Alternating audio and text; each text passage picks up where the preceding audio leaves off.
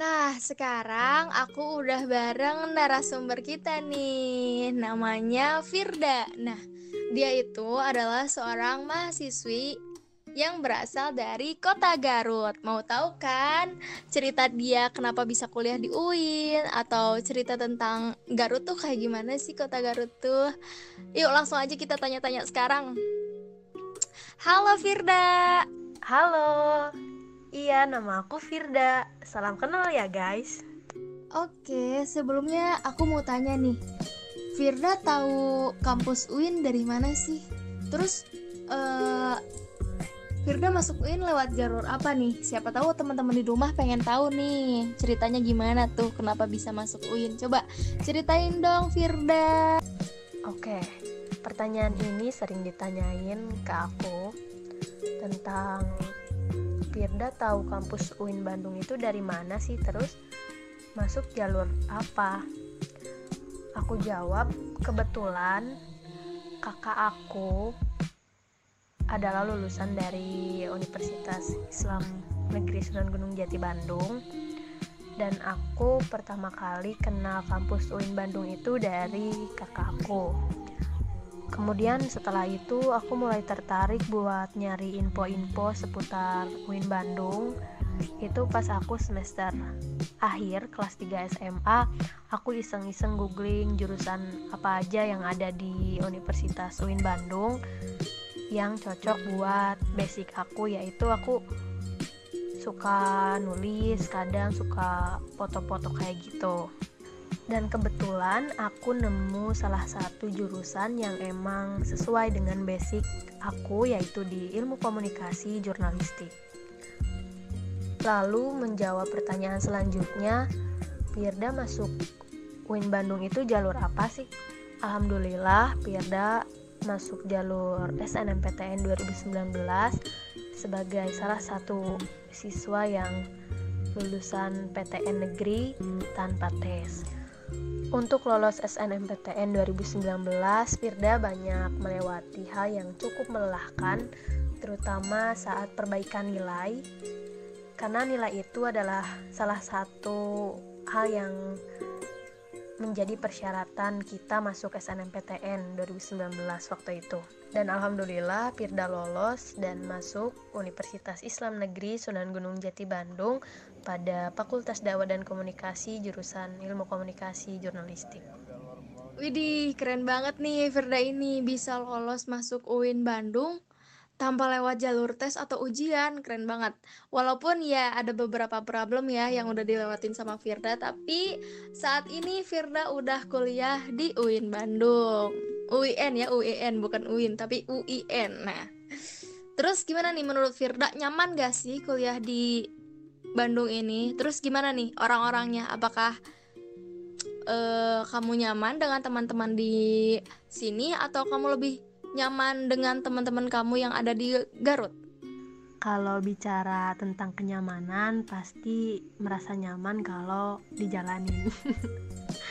Soalnya kalau pas waktu jadi mahasiswa baru, Firda harus beradaptasi dengan lingkungan yang baru, terus dengan teman-teman yang baru juga.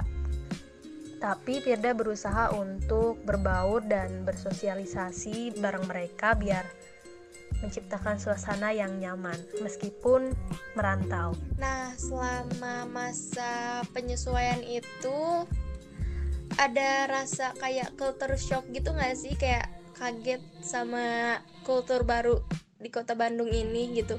Yang paling lucu deh apa satu culture shock yang menurut kamu paling aneh dan kaget? Kalau culture shock kita belum nemu yang bikin kaget banget cuman di intensitas kendaraannya sih. Bedanya Garut sama Bandung tuh beda banget soalnya Bandung intensitas kendaraannya sangat banyak kalau Garut masih batas normal. Oke, jadi nggak terlalu banyak perbedaan lah ya karena Bandung juga ya e, wilayah Jawa Barat juga ya, jadi nggak terlalu beda jauh gitu ya sama Garut. Oke, ngomongin tentang Garut nih, mungkin teman-teman di rumah tuh kan kayak sekarang kayak udah pandemi itu lama banget nih, mungkin mereka butuh liburan nih, coba Kalau dari Firda nih, ada nggak sih rekomendasi tempat wisata yang ada di kota Garut nih buat teman-teman semua? Wah, pas banget nih. Garut emang jadi tempat rekomen banget buat teman-teman yang mau liburan, apalagi sekarang kan akhir tahun. Dan semoga pandemi sekarang ini bisa beres dan teman-teman semua bisa liburan ke Garut bukan hanya wisatanya doang yang banyak, oleh-olehnya juga ada dodol, ada jaket kulit, dan masih banyak lagi. Tapi kebanyakan orang-orang dari luar kota pergi liburan ke Garut itu ke pantai. Dan pantai yang paling recommended banget buat teman-teman yaitu Pantai Santolo. Wih, seru tuh pantai. Berapa nih tiketnya coba? Spill dong kakak. Wah, kalau ngomongin tiket masuk ke pantai di Garut Selatan cukup terbilang murah banget. Soalnya cuma 10.000 per orang. Bayangin 10.000 kita bisa menikmati hari libur, akhir tahun, dan menikmati keindahan alam yang menakjubkan. Teman-teman tahu nggak sih kalau pantai di Garut Selatan itu terkenal dengan sebutan sunset atau sunrise terbaik di Garut Selatan. Yuk teman-teman, siapa nih yang mau liburan ke Garut Selatan, khususnya ke pantai yang sunset dan sunrise-nya terbaik di Garut? Widih, asik banget nih ya kayaknya kalau main ke pantai selatan Garut ini alias pantai Santolo nih. Nah, buat kalian nih anak senja yang suka lihat senja-senja atau sunrise gitu, cocok banget deh pokoknya kalau misalnya kalian ke pantai Santolo. Soalnya tadi kata Firda, Satola ini adalah pantai yang sunset atau sunrise-nya ini adalah yang terbaik coba di kota Garut. Aduh, keren banget. Pokoknya buat kalian nih yang mau liburan bentar lagi yang bingung mau ke mana langsung aja nggak usah ragu. Cus ke kota Garut cus ke Garut Selatan cus ke mana? Ke pantai Santolo.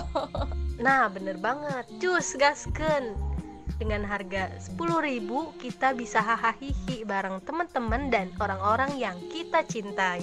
Mantap lah pokoknya Maya. Makasih buat saudara Firda udah mau diwawancarai nih di talk show malam ini. Ada nggak pesan-pesan terakhir nih buat para pendengar setia nih? Nah, yang pengen aku sampaikan untuk pendengar setiap podcast Jahra bahwa ketenangan itu didapat bukan saat kita self healing, jalan-jalan atau apa pun, tapi saat kita sholat lima waktu.